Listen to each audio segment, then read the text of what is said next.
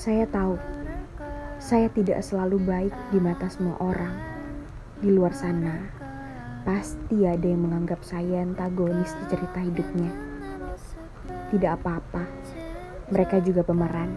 Tuhanlah sutradaranya.